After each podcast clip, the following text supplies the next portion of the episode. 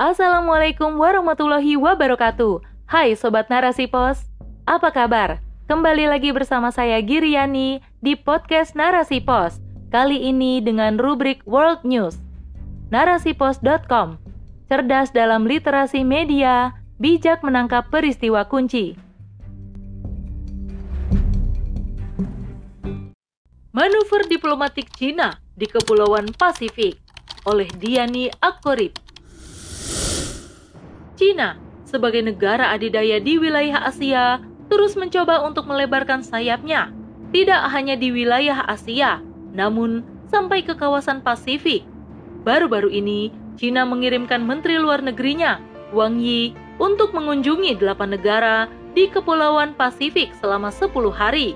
Wang Yi bersama 20 orang anggota delegasinya mendarat di Honiara, Kepulauan Salomon, Kamis 26 Mei Kunjungan ini bertujuan untuk memperkuat aliansi kedua negara dalam bidang keamanan dan politik, selain tema ekonomi tentunya.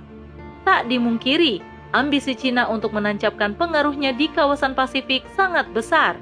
Hal ini bisa dilihat dari paket bantuan pembangunan yang bernilai jutaan US dollar untuk 10 negara di selatan Pasifik tersebut. Selain itu, Cina juga menawarkan perjanjian perdagangan bebas dan pengurangan tarif impor namun tidak ada makan siang gratis.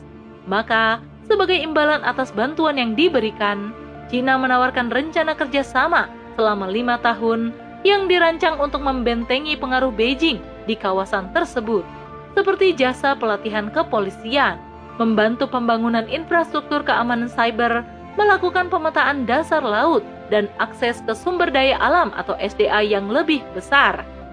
Upaya ini dilakukan Beijing dalam rangka memperluas pengaruh militer dan politiknya di kawasan Pasifik.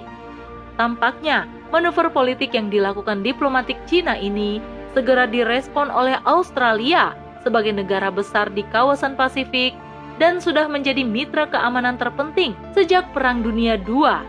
Bahkan Canberra berencana meningkatkan dana hibah bagi negara kepulauan Pasifik senilai 350 juta US dollar atau sekitar 510 triliun rupiah.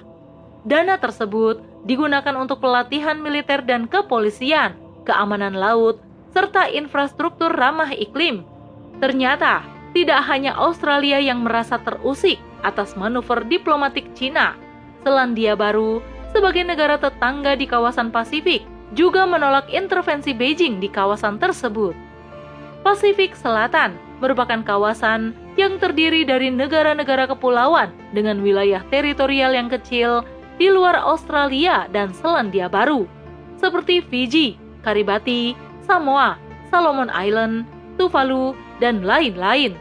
Negara-negara tersebut sangat rentan terhadap intervensi asing karena kondisi geografisnya yang sangat strategis untuk melakukan kegiatan dagang dan membangun pangkalan militer. Kondisi ini tentu menjadi sasaran empuk negara-negara adidaya untuk menancapkan pengaruhnya di kawasan ini. Terlebih Australia yang merupakan sekutu Amerika Serikat juga tidak ingin melewatkan kesempatan untuk mencengkramkan kuasanya di wilayah tersebut. Hal ini terlihat jelas ketika Australia bersama Inggris dan Amerika Serikat membentuk fakta pertahanan di wilayah Asia Pasifik yang dikenal dengan sebutan AUKUS. AUKUS sendiri merupakan singkatan dari Australia, United Kingdom, dan United States of America.